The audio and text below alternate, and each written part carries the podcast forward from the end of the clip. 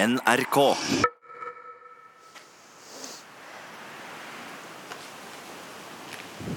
Har du noen gang tenkt på hvorfor du endte opp der du gjorde? Hvorfor livet ditt ble akkurat sånn? Dette er gymsalen, eller?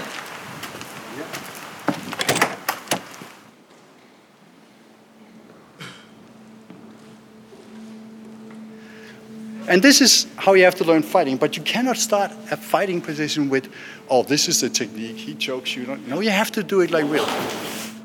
Når du tar et valg, velger du jo én vei i stedet for en annen. Mange velger den tryggeste, andre tar sjansen. And there's no help that you can fight if you can't punch. And most people can't punch for their life. Å ende opp her jeg står nå, er i hvert fall temmelig spesielt. I en sliten gymsal på Island. Det lukter gammel svette, og mannen foran meg kommanderer meg til å dra til han så hardt jeg kan. Come on, punch me in the gut. No, no, no, no, no, no. This is not a fucking ballet school, okay? Come on, punch me. Like you mean it. Den høyreiste fyren har på seg lilla skjorte med hvit krage. Han er pastor. This is like, this is like foreplay, you know. Are you gay or are you gay? No. Why are you making love to me? Come on, punch me.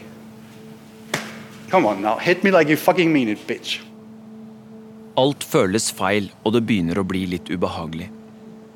Mens pastoren banner så halve Island hører det, tenker jeg på en annen nordmann som for tolv år siden sto i akkurat den samme situasjonen. Foran akkurat den samme mannen. Men der jeg kvier meg for å slå, besto han testene med glans. Come on, motherfucker. Today, today, today. Pour Joslov Moland. Pour Joshua French. To norske menn skal være mistenkt for drap i Kongo. De ser eh, syke ut. De ser ut som de ikke har eh, fått eh, nok mat på lang tid. De er ganske tynne, bleke. Kjostolv Moland og Joshua French ble dømt for drap, for drapsforsøk, for spionasje, for væpnet ran og ulovlig våpenbesittelse. Mike het han ene. Mike og John. De bodde i et telt på plenen der. Et uh, militærtelt. Kamuflasje-type ting. Vi var ikke på guttetur. Vi var på et eh, reelt arbeidsoppdrag. Du hører på To hvite menn.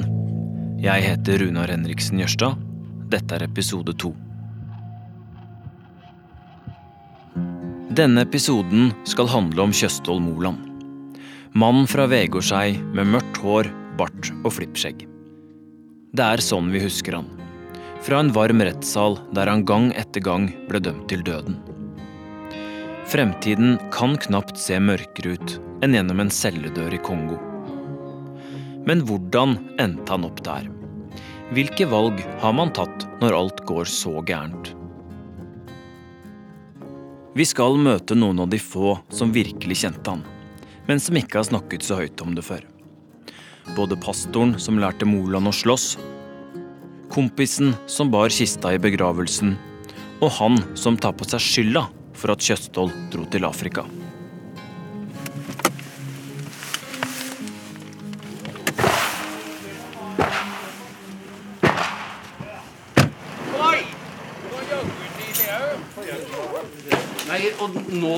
Vet du, er det veldig greit at dere kom. Ja. Fordi at jeg må skyte inn, for jeg skal på villsvinjakt i morgen tidlig. I morgen tidlig? Ja, Hvor enn da? Det er i Sverige. Så det, Var du ikke nettopp på villsvinjakt i Polen? Jo, det var i Polen. Ja. Og nå er det å sitte ute og fryse om natta og håpe på det kommer en gris som en får se. Når du ser Jan Solberg, forventer du at han skal lukte bål og nykokt kaffe. Rutete skjorte, tredagersskjegg og litt bustete hår. Vi la de her patronene òg. Fem skudd, det får holde. Da har jeg kontrollert pølsa godt nok. Smilet er lunt, han gliser ofte. Tar en klype løssnus og dytter den rett opp under leppa. Jeg heter Jan Solberg og er onkel til Kjøstholm Moland. Onkel Jan? Onkel Jan, ja. Det var ikke lett å få tak i onkel Jan. Hver gang jeg ringte, var han i en eller annen skog i et eller annet land på jakt. Nå har han invitert meg med på skytebanen, der han tilbringer mye tid. Det har gått åtte år siden han var i Kongo.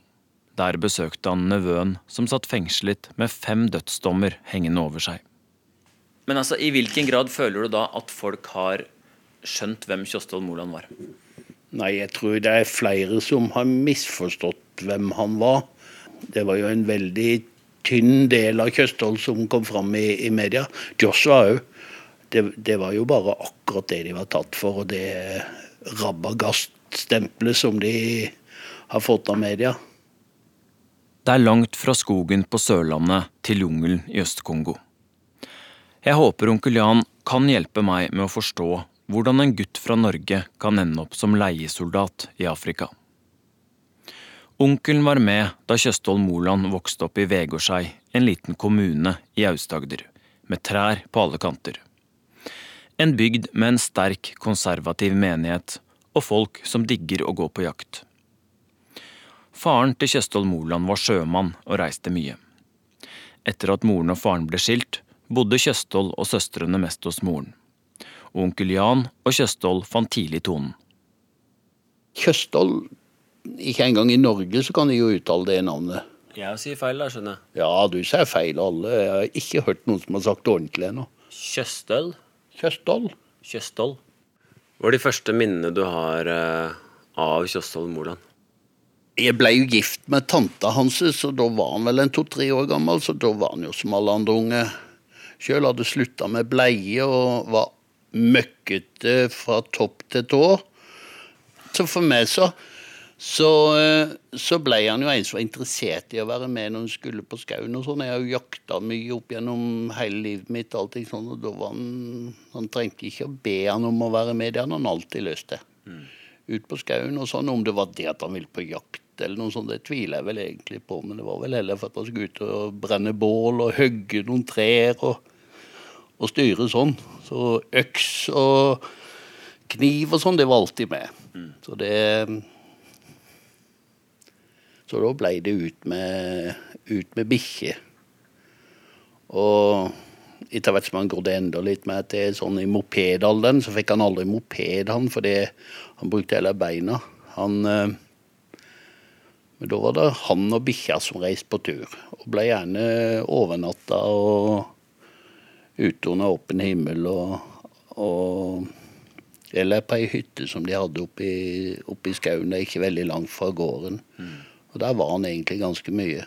Noen ganger med noen av kompisene sine, andre ganger helt dønn alene. Det var ikke noe Han trivdes òg godt helt alene, altså. Det gjorde han. Mm. Men var han en einstøing, eller syntes han bare det var ok å være alene innimellom? Jeg tror han syntes det var fryktelig ålreit å være alene. Han hadde jo ikke forferdelig mange kamerater, men han hadde noen gode kamerater. Mm. Så einstøing var han jo ikke. Han var jo òg interessert i å rote i gamle, gamle, ting. Han var interessert i historie og alt, alt mulig slikt. Så å finne noe gammelt og noe sånt, og det, det, han, det satte han pris på. Gamle murer for bygge, plasser der det bodde folk for lenge siden. Og det, det, visste han om sånne ting. altså. Det, det fortalte han dem jeg hadde funnet noe og lurte på om det hadde bodd noen folk en gang noen stein som ikke lå som de skulle. Jeg har sett et bilde av Kjøstholm Moland der han sitter på kne ved siden av et stort dyr. Moland, som kanskje er 15 år da, har på seg rødruta skjorte og en gammel hatt. Han smiler. Han har akkurat skutt sin første elg. Lærte du Kjøstholm å skyte? Han skjøt noen ganger, men det, nei, var egentlig ikke interessert i det. Det var Nei, rett og slett ikke. Han var med på jakt og allting sånn. Det var helt for å brenne bål. Vi får bare Må du høre på første smellet.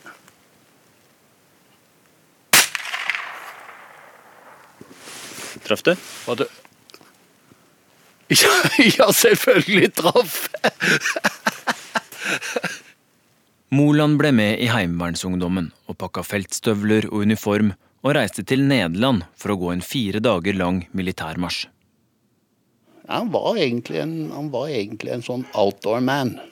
Det er sikkert det som var interessant med Afrika, for vi oppfatter jo Afrika som, som totalt ubebodd og masse natur. I familien til Tjøstolv Moland var det mange som reiste ut.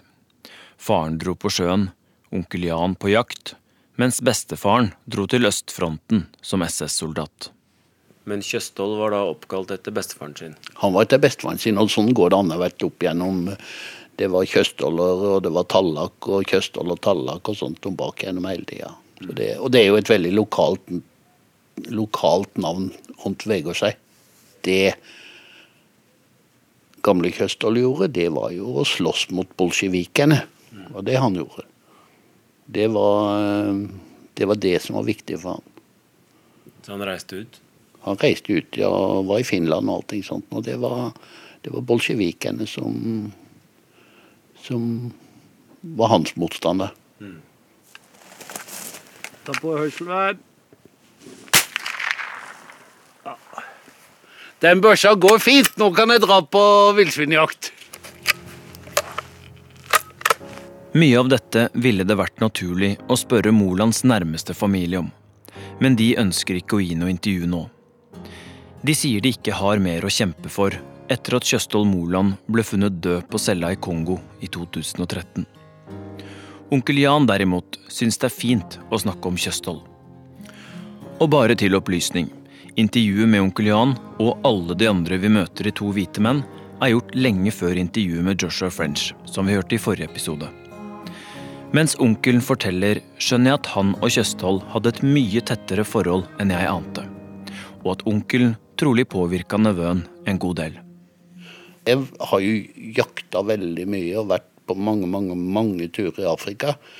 Og prata og fortalte mye om det som jeg har sett og opplevd der nede. Og det tror jeg han syntes var fryktelig spennende. Hva slags dyr har du skutt, da? Nei, ja, veldig mye. Jeg har ikke vært sånn som har gått og, og skutt eh, de her Big Five og de greiene. Jeg har skutt leopard. Det, det er det eneste av de der. Men ellers er det alle mulige sånne antilopejakt og alt sånt noe som jeg har vært på. Vært, eh, ikke for å ned for å skyte verdens største, allting sånt, så er ikke sånn troféjeger sånn som det er. De siste gangene jeg har vært der nede, så har jeg ikke tatt med meg hjem noen ting engang. Men jeg, jeg syns det er fascinerende. og og der òg sitte rundt bålet og, og prate og høre alle lydene og, og spise det du har skutt og allting sånt. Og det, det har vært uh, ting som jeg har satt ordentlig pris på. Det er vel det som jeg har putta inn i, i hjernebarken på han. Så, så det hadde han løst til. Hvor starta fascinasjonen hans for Afrika, da? Er det din skyld? ja, jeg tror jeg skal ta på meg hele og fulle skylda der. For det er klart, når du forteller en 15-16-17-åring om turer i Afrika og jakt på alle dyr Jeg hadde jo hatt mye bilder og alt. Tross spennende jakthistorier fra Afrika var planen til Moland å begynne i Forsvaret. Jeg har lenge prøvd å få noen til å fortelle om tiden hans i grønn uniform, men det var ikke lett. Ja, hei, det er Rune Rørstad i NRK som ringer. Ja, hei, det er Rune Rørstad i NRK som ringer. Noen ganger spiller tilfeldigheten inn. Mens kollega Irina Kjelle og jeg sitter på kontoret og ser på et bilde fra begravelsen til Kjøstholm Moland, ser jeg plutselig et kjent ansikt. Vet du hvem det er? Uh, nei. Nei, jeg aner ikke. Han var befalet mitt i Forsvaret da jeg hadde førstegangstjeneste. Han som bærer kista? Mm. Altså han bak mora til Han Moland? lange. Bak mora til Kjøsson Moland? Mm. Han var ditt befal? Mm. Okay. Jeg husker han kjempegodt. Ok? Og jeg husker at han uh, skar seg noe fryktelig stygt i hånda da vi var på øvelse langt pokker inne i skogen. At jeg måtte uh, rive fram denne enkeltmannspakka mi og bandasjere hånda hans. For han blødde så fælt. Så ble han sendt av gårde til sykehuset i full fart. Klarte de akkurat å berge hånda. Men jeg ante ikke at han kjente Kjostolf Moland og tydeligvis var en god venn han. For han bærer jo tross alt kista hans. Få ringe han, da. Det viser seg at Jan Erik, mitt tidligere befal, var en av ganske få som kjente Kjøstholm Moland godt. Han har aldri snakket med journalister om kameraten sin før, og han hadde ikke tenkt å gjøre det heller. Men etter å ha møtt han et par ganger, vil han la seg intervjue. Hvorfor vil du gjøre det nå, da? Jeg var jo veldig skeptisk til det, skal jeg innrømme. da. Jeg snakker sjelden om det. Det er, kanskje, det er veldig få som egentlig vet at jeg kjente den. Altså, jeg har jo mitt eh, bilde og mitt inntrykk og mine si, opplevelser av han. I, det har kommet veldig lite ut i media, eller ut generelt, eh, det inntrykket jeg sitter med. Mm. Det kan hende det er kun jeg som har det inntrykket, men det er et inntrykk som ikke bare er negativt. da. Kista som ble senka av jorda hjemme i Vegårshei, var dekorert med kongler og planter. Kjøstøl Moland var en skogens mann. Jeg hadde jo ikke sett han på mange år. Kom etter hvert i kontakt med faren og snakka litt rundt, og hvor egentlig han fremma et ønske om at jeg var en av de som bar, sammen med en kamerat til av han. Så Den dagen var veldig spesiell for oss to, da, som eh, jeg og han kameraten som kjente han på vår måte. Og så var det noen familiemedlemmer som også bar sammen med oss. Så det var spesielt å liksom eh, føle at man eh, var en av de kanskje nærmeste da, som eh, familien anså som. Så det var, det var en veldig spesiell dag. Hadde du tenkt på deg selv som en av hans nærmeste? Jeg tenkte på meg som sannsynligvis en av få han anså som nærme, ja. Jeg har nok venner som var nærmere meg enn han. Men uh, han som type knytta seg ikke veldig til folk. Så jeg tror du kan telle på en liten hånd kanskje hvor mange han anså som, som venner. Og jeg var nok blant de. Men når du bærer kista hans, tenker du også da på at han var dømt for drap? Nei, jeg tenkte ikke så mye på at han var dømt for drap. Det var jo vanskelig å komme utenom det at han var i søkelyset og hadde vært det gjennom alle åra. Men eh, jeg tok et bevisst valg om å gå i uniform, også når jeg bar kista fordi jeg vet Kjosthold ville likt det. Så det var egentlig en sånn siste en siste stille honnør mellom oss. Eh, han lå i uniform, og jeg gikk i uniform. Så det var egentlig en sånn gest til han. Fordi jeg tror han hadde syntes det hadde vært tøft. Hvorfor det? Nei, det, Forsvaret var en del av han. Selv om han egentlig var der ganske kort, sammenligna med meg og andre, så hadde han eh, alltid drømt om en karriere i Forsvaret. Det hadde Jan Erik også, og det var sånn vennskapet deres starta. Jan Erik jobber fortsatt i Forsvaret og vil at jeg bare bruker fornavnet hans. Han og Moland møttes i år 2000. Begge var 19 år og nettopp ferdig på videregående. Og begge skulle også starte på befalsskolen i Harstad samtidig. De gleda seg og siden de skulle nordover sammen, ble de kobla av noen familiemedlemmer som kjente hverandre. Jan Erik sier vennskapet starta nesten litt som et tvangsekteskap. Vi lånte hver sin kajakk og starta i Risør og padla til Arendal i løpet av et par-tre dager. Tre dager, tror jeg. Og da eh, Det var jo da jeg først traff han, og førsteinntrykket etter den turen var jo Han var jo ekstremt vant til å være ute og eh, klare seg på med enkle ting. og Det var ikke noe telt på den turen der. Det var han som hadde egentlig satt i drammene for hva vi skulle ha med. Hva hadde du med? Vi hadde med sovepose og eh, ja, noe kaffe skulle han ha med. Det var viktig. Han hadde noen sånn kaffekjele. Og så hadde vi ja, noe skift, men det var stort sett det. Så var det egentlig bare å finne en gran, eller å finne En natta så så vi en gammel eh, bunker fra krigen. Da var han jo helt uh, i sitt ess. Fyre opp uh, ved og sette på kaffekjelen. Og, men uh, han var ekstremt vant til å være ute. Så Det var liksom førsteinntrykket jeg. Og jeg kom fra en helt annen Jeg hadde vært ute på noen turer, jeg òg, men det var liksom ikke sammenlignbart med han. Men han kokte kaffe på bål med den største selvfølgelighet? Ja, det var den største selvfølgelighet. Det var nesten som han sila, sila kaffegruten mellom tenna på veien. Det var beinhard, beinhard kaffe. Hva tenkte du om han da? Eh, jeg ble jo imponert. Jeg tenkte jo at han her har jo kommet virkelig på rett plass når eh, vi skal gå befalsskolen. Og det var en sånn jeger, eh, jegerlinje. Det var liksom litt tøft. Jeg søkte i hvert fall den fordi at det var, det var kjent for å være en tøff fysisk sak. Så jeg tenkte jo at han her har kommet på rett plass. Fordi han, dette tar han lett. Så, så tenkte jeg også at han her er bra å pare seg opp med, for han kan lære meg masse som ikke jeg kan. Det skulle vært perfekt. Jan Erik og Kjøstholm reiste sammen til Harstad en lørdag i juli 2001.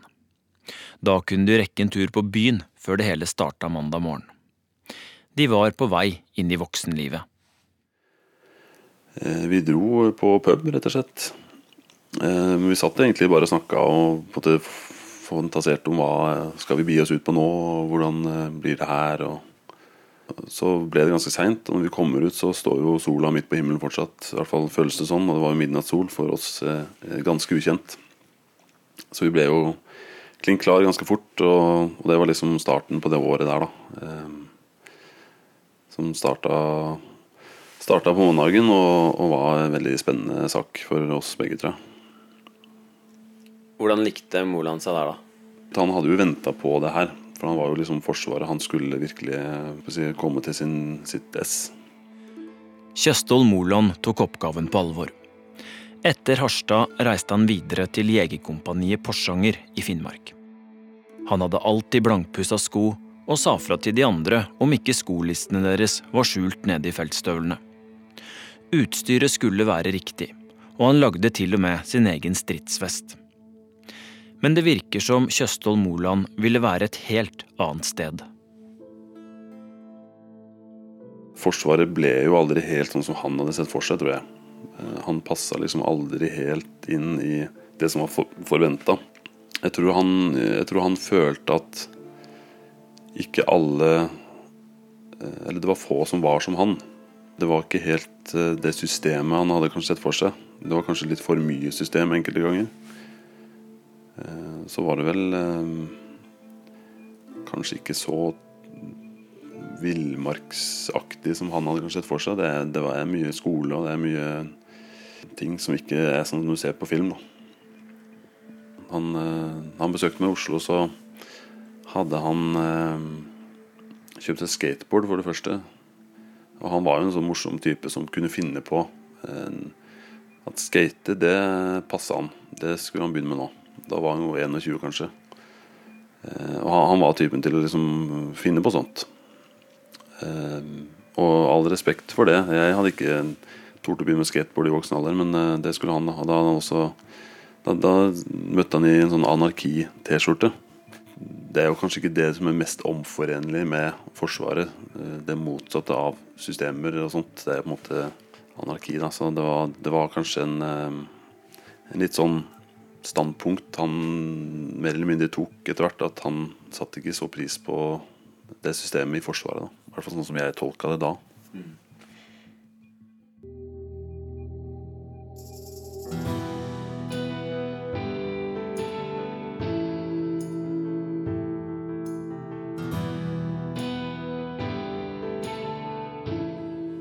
Ikke mye av det Moland drev med i starten av 20-åra har vært kjent.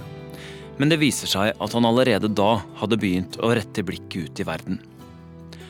En annen kamerat som ikke vil la seg intervjue på teip, forteller at Moland en helg han hadde perm, reiste til Transylvania, fjellandskapet i Romania.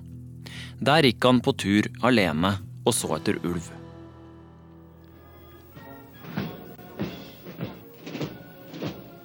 Jeg har nå også fått bekreftet noe jeg tidligere bare hadde hørt rykter om.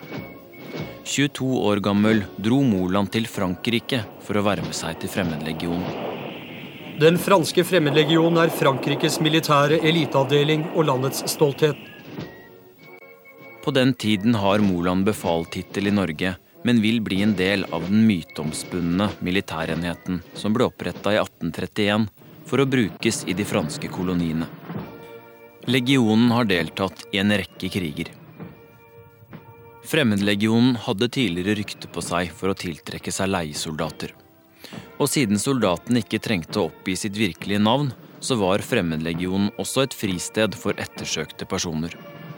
Nå er det visst strengere, med full bakgrunnssjekk, men disiplinen er fortsatt knallhard.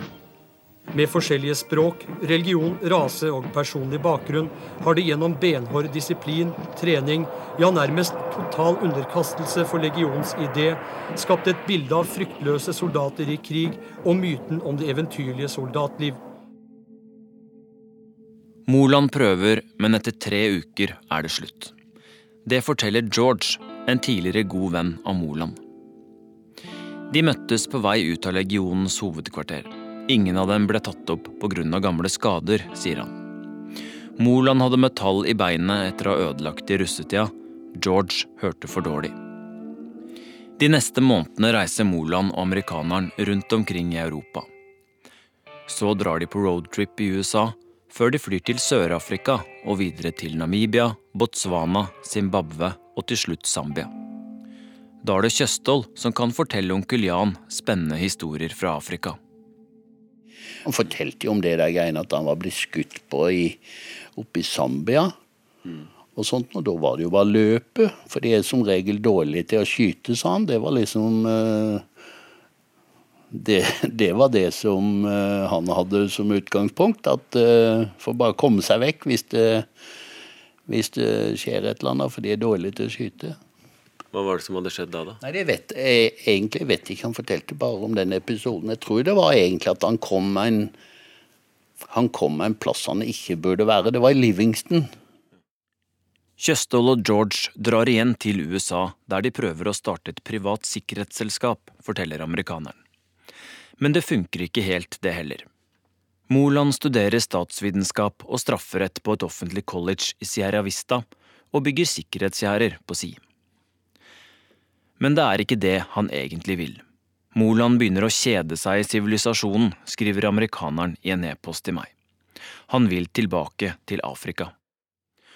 Moland fortsetter å reise, og i 2005 drar han til Kongo for første gang. Sammen med en østerriker skal han lete etter noen nedgravde diamanter. Men der diamantene ifølge kartet skal ligge, er det bygget en landsby. Han fortalte en kompis at de måtte dra slukøra hjem igjen. Innimellom svinger Moland tilbake til Norge for å tjene penger. Her tar han vekterkurs og får seg jobb på Byporten kjøpesenter i Oslo. Han er fortsatt befal, men har andre planer. Gjennom en kamerat får han kontakt med en nordmann som har vært i Irak. Han driver et privat sikkerhetsselskap, og Moland blir gira. Så blir han fortalt om et kurs i Danmark han bør ta. Et kurs for å lære ting han ikke har lært i Forsvaret. Ting som danske medier beskriver som torturlignende metoder.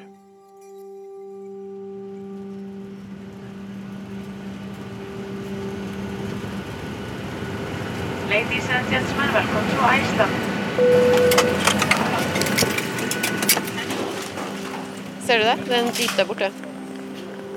Der. Grønn. Jeg ser den. Kanskje det er han?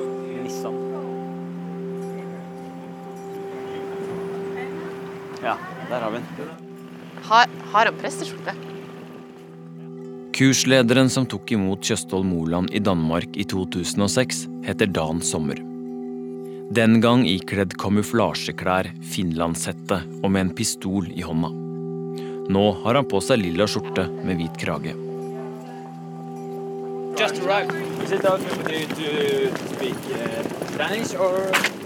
Han foretrekker at vi snakker engelsk.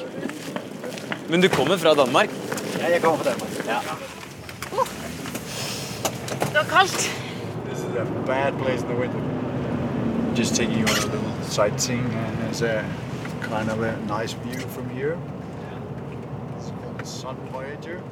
Vi kjører gjennom det vulkanske landskapet øya er så kjent for. Vinden river i den store bilen. Ute stiger det damp fra bakken. Rimelig stilig å se på, men lukta er ikke like kul.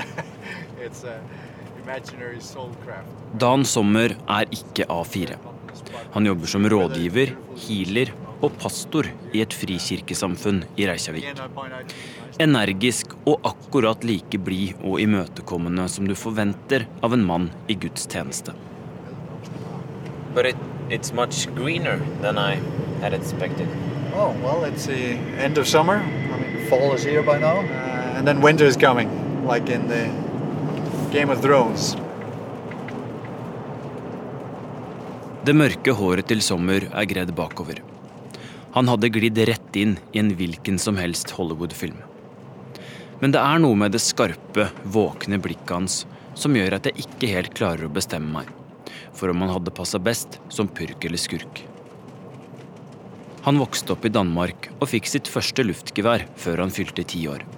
Da han var tolv, fikk han sin første bibel. Men som noen sier, Herrens veier er uransakelige. Og en dag piratene kom mot skipet der han jobba som sikkerhetsvakt, tok han et valg. I kind of made an agreement one night when we were watching pirates coming toward us and uh, said to God, well, you know, if we'll make this, I'll become a priest. You're driving more like a soldier than like a priest. Well, I taught a lot of security driving and uh, ramming courses and evasive driving, so yeah, I do drive a little bit more than that. But... Dan Sommer og Kjøstholm Moland møttes for første gang i 2006, da Moland dukka opp på Sommer sitt kurs i Danmark. I en VG-artikkel fortalte Sommer om livvaktkurset, et såkalt close protection course. Han har drevet med dem i mange år, trent opp folk til å overleve i farlige områder og prøve å hindre at kunden blir skutt. Sommer sier det var han som ga Moland og French jobb som piratvakter om bord på skip i Adenbukta. Well, I met Moland in, uh, I think, I think it was February, January, February 2006, uh, on a close protection course in Denmark. We kind of became good friends, so I had a bond there. So, you know, he's an interesting character, and uh, or was an interesting character, and a very good student, very quick to learn. Sommer stopper bilen på Tingvalla, en nasjonalpark som ligger en liten kjøretur utenfor Øykjavik. Ute i pøsregnet virrer turister rundt med store kameraer. De er enten interessert i gammel islandsk historie, eller så vil de bare ta en selfie der noen av scenene til Game of Thrones ble spilt inn. Dan er mest opptatt av at de drukna hekser her på 1600-tallet. We're now at Drowning Pool. And this is where we drowned women that were convicted of serious crimes or witchery, etc. The force of a stream will push them down, right? Worse than waterboarding. Yeah, I don't know what people complain about my courses. Nothing like that would I ever do, you know. so, but um, yeah.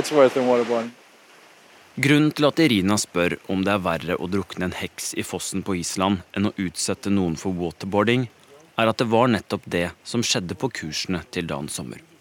De trente på waterboarding. Vil si simulert drukning eller vanntortur. Moland og de andre kursdeltakerne ble først bundet fast. Så fikk de en hette over ansiktet før det ble helt på vann. Ifølge leger er det snakk om en form for sakte, kontrollert kvelning. Then you have the hands behind their back and you watch the nails. And uh, when the nails start getting blue, that means there's no more oxygen left in the blood.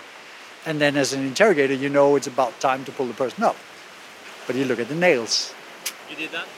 Yes, of course. For meg er det ikke selvfølgelig å trene på det her. Jeg har aldri følt noe behov for å lære meg å takle følelsen av å drukne. Men jeg begynner å skjønne at Moland forberedte seg på en helt annen verden enn den jeg lever i. Så der satt de altså, en gjeng gutter som ville bli menn, med hver sin hette over hodet. Vannet rant, lufta forsvant, følelsen av å drukne ble stadig sterkere. Jeg prøver å se for meg hvordan jeg selv hadde takla det der. Rimelig dårlig, vil jeg tro.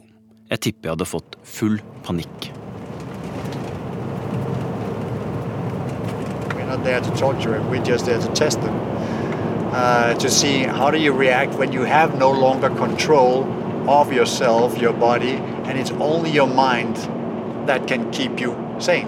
And I have to look into his fears, and if he goes panic,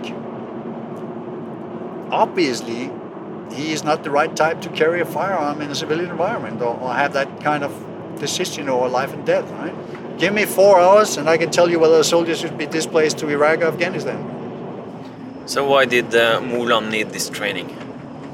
Well, although he had been trained as an officer in the Norwegian army, he had not learned what he needed to learn to operate in the real world. So how did uh, Kjostolf Mulan react? He reacted very well. He was choking, he was coughing, he was puking, you know, he was crying, you know, but so he didn't break.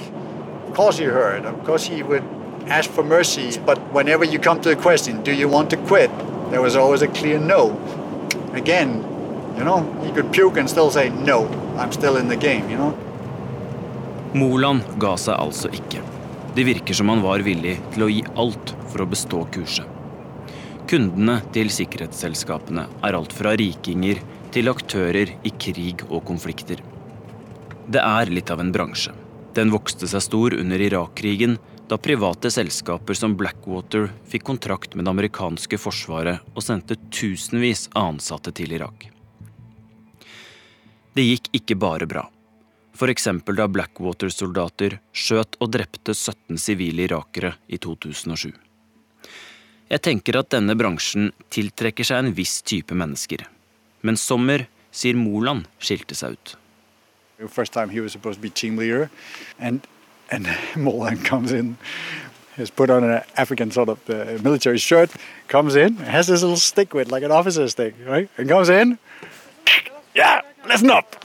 This is what we're gonna do. Ding, ding, ding, ding, ding. With his stick sweeping around backwards like a, like a, you know, I don't know, a general from the British Army, you know, like in the Empire, they, they you know, keeping it. And we, we were just looking at it, I was just laughing. And of course, for the Danish people, this is a no-go zone, right? The Norwegians was looking, he's not with us. We don't know him. it was really fun. And of course, he got into a huge conflict with people. And that's Moland thinking, oh, I'm team leader, I'm in charge, I have to prove, and I have to be like the old days. And this is Africa. But it was not in Africa, it was in Scandinavia. It was not exactly the best way to win over friends and make a good team that day, and he really got on the wrong side of people.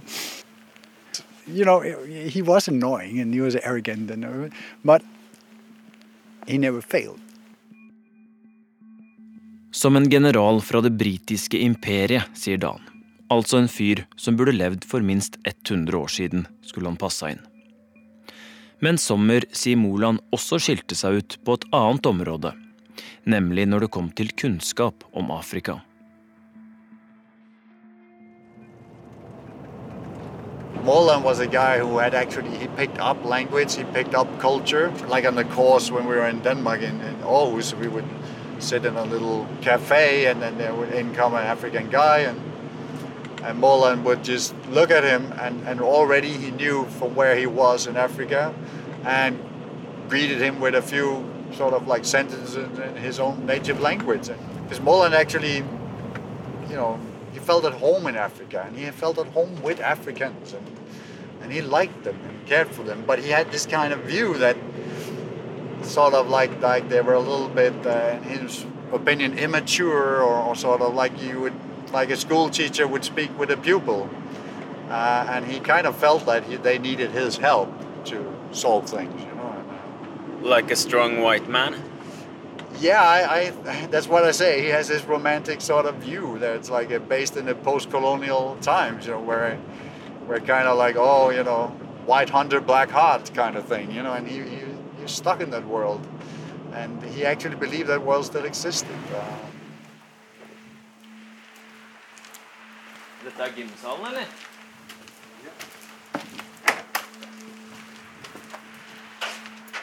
Dan Sommer tar fortsatt på seg jobber som konsulent. Nylig var han faktisk i Norge, leid inn av en stor hjelpeorganisasjon for å snakke om sikkerhet, kidnapping og løsepenger. Og han drømmer fortsatt om en siste tur. Et siste oppdrag som livvakt. Det er noe med kameratskapet, samholdet og adrenalinet, sier han. Etter snart to dager på Island har vi kun sett snille pastor Sommer. Men så tar han oss med inn i en gammel gymsal.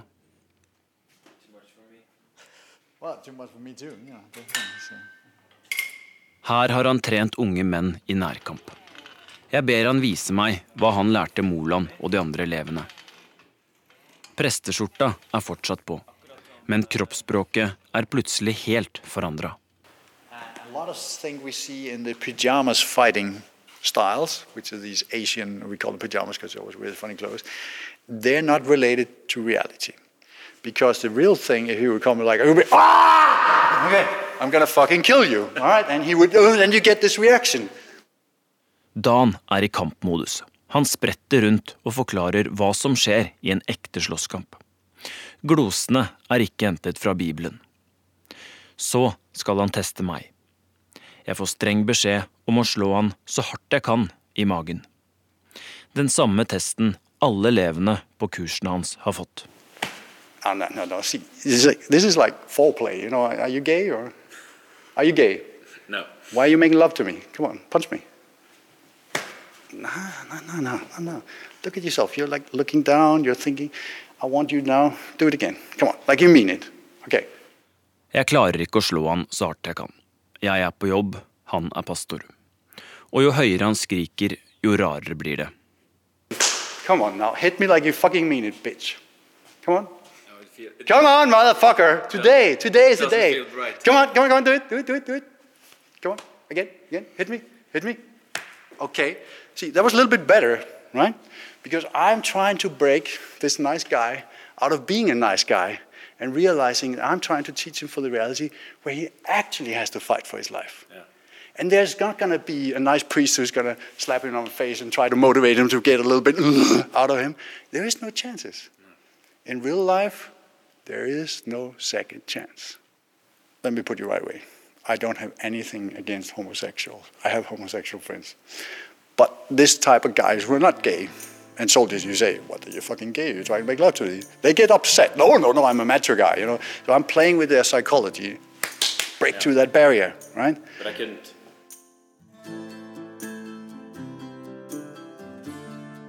Kjøstholm Moland gjennomførte sikkerhetskurset i 2006, da han var 24 år. Det skal fortsatt gå ett år før han møter en ung norsk-britisk soldat som skal endre livet hans. Joshua French. Etter sikkerhetskurset i Danmark jobber Moland som befal i Garden. Og det viser seg at han har tatt med seg noen av triksene han lærte på kurs. Adrenalinnivået var jo rimelig høyt i utgangspunktet. Jeg husker en gjeng med liksom 18-åringer. Det her er kollegaen min Martin Sondag. I 2006 var han menig i Garden sammen med Karl Olav Larsson. Befalet deres het Kjøstholm Moland. Var vel altså, rigid. Altså, det var, reglene var der, de skulle følges, og det var absolutt. Eh, og det var liksom ikke noe slinger i valsen. Men det som skjer den ene formiddagen, glemmer de aldri. Moland tar med seg troppen på løpetur utenfor leiren. Plutselig stopper de. De skal trene på nærkamp. Litt sånn som i filmen Fight Club. Og så stilte hver halvdel seg i en ring, og da skulle én og én etter tur kjempe mot hverandre med de teknikkene vi hadde lært. På den tida så veide jeg godt over 90 kilo, tror jeg, med alle de feltrasjonene. Og da når jeg var liksom peppa opp full da, så var det neste kamp mot deg, Karl Olav. Mm. Det eneste på en måte premisset var at eh, det var ikke lov å slå hverandre hardt i ansiktet. Utover det så var det at vi skulle liksom slåss til én ga seg. Eh, hva som skulle til for at noen ga seg, det ble på en måte ikke spesifisert sånn veldig, så vidt jeg husker det. da. Og det var jo også, eh, uten at egentlig verken du eller jeg var i den kategorien, men det var noen ganske svære typer òg i den troppen vår som eh, kunne Ja, jeg vil det, det, det borga litt for at noe skulle gå gærent. Mens Martin har en kvadratisk kroppsform med lavt tyngdepunkt, er Karl Olav kortere og 20 kilo lettere. Det er mann mot mann, full tenning, helt til de begge hører en lyd. Som om noen knipser høyt. Og så landa jeg på ryggen, og da ble det jo avbrutt. Jeg kjente jo ikke så mye smerte, for da var jo adrenalinet såpass godt oppe.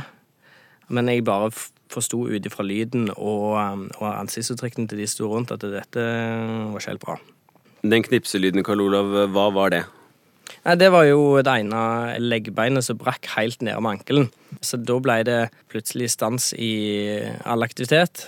Hvordan reagerer Kjosvold Moland når han skjønner at du har eh, knekt beinet tvers av Jeg tror han er litt sånn eh, rådvill, for han, eh, han har jo verken sambandsutstyr eller mobil til å varsle om noen, så han står jo på en måte i, i midt i en park på Røa Hovseter der med, med 20 menige som eh, står og klør seg i hodet og egentlig ikke vet hva som skjer. Martin har brekt beinet på Karl Olav.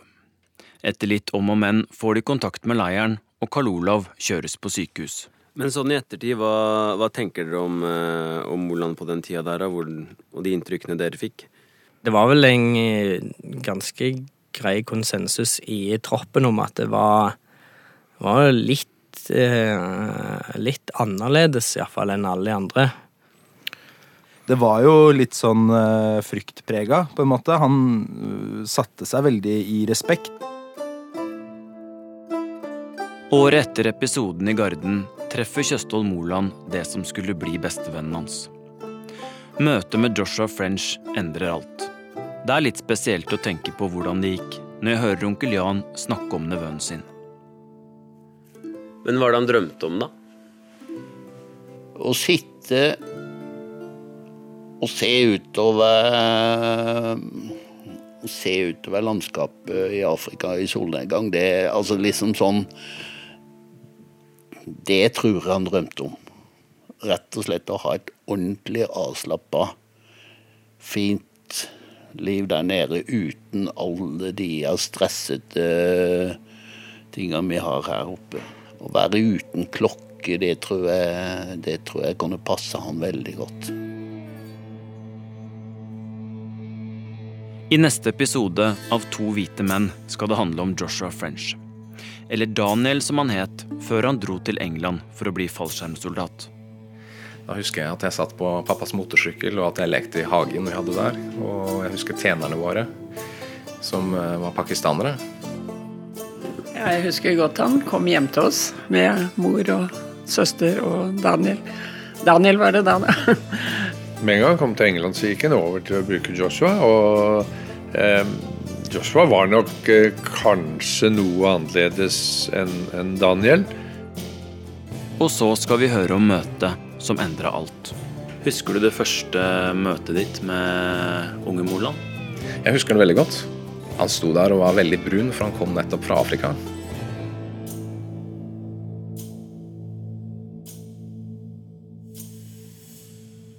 Denne episoden av To hvite menn er laget av Irina Kjelle, Lillian Grønning og Runar Henriksen Jørstad. Musikken er komponert av Jane Kelly og Sindre Otvedt. Redaktør er Marius Tetli. Vi høres igjen om en uke.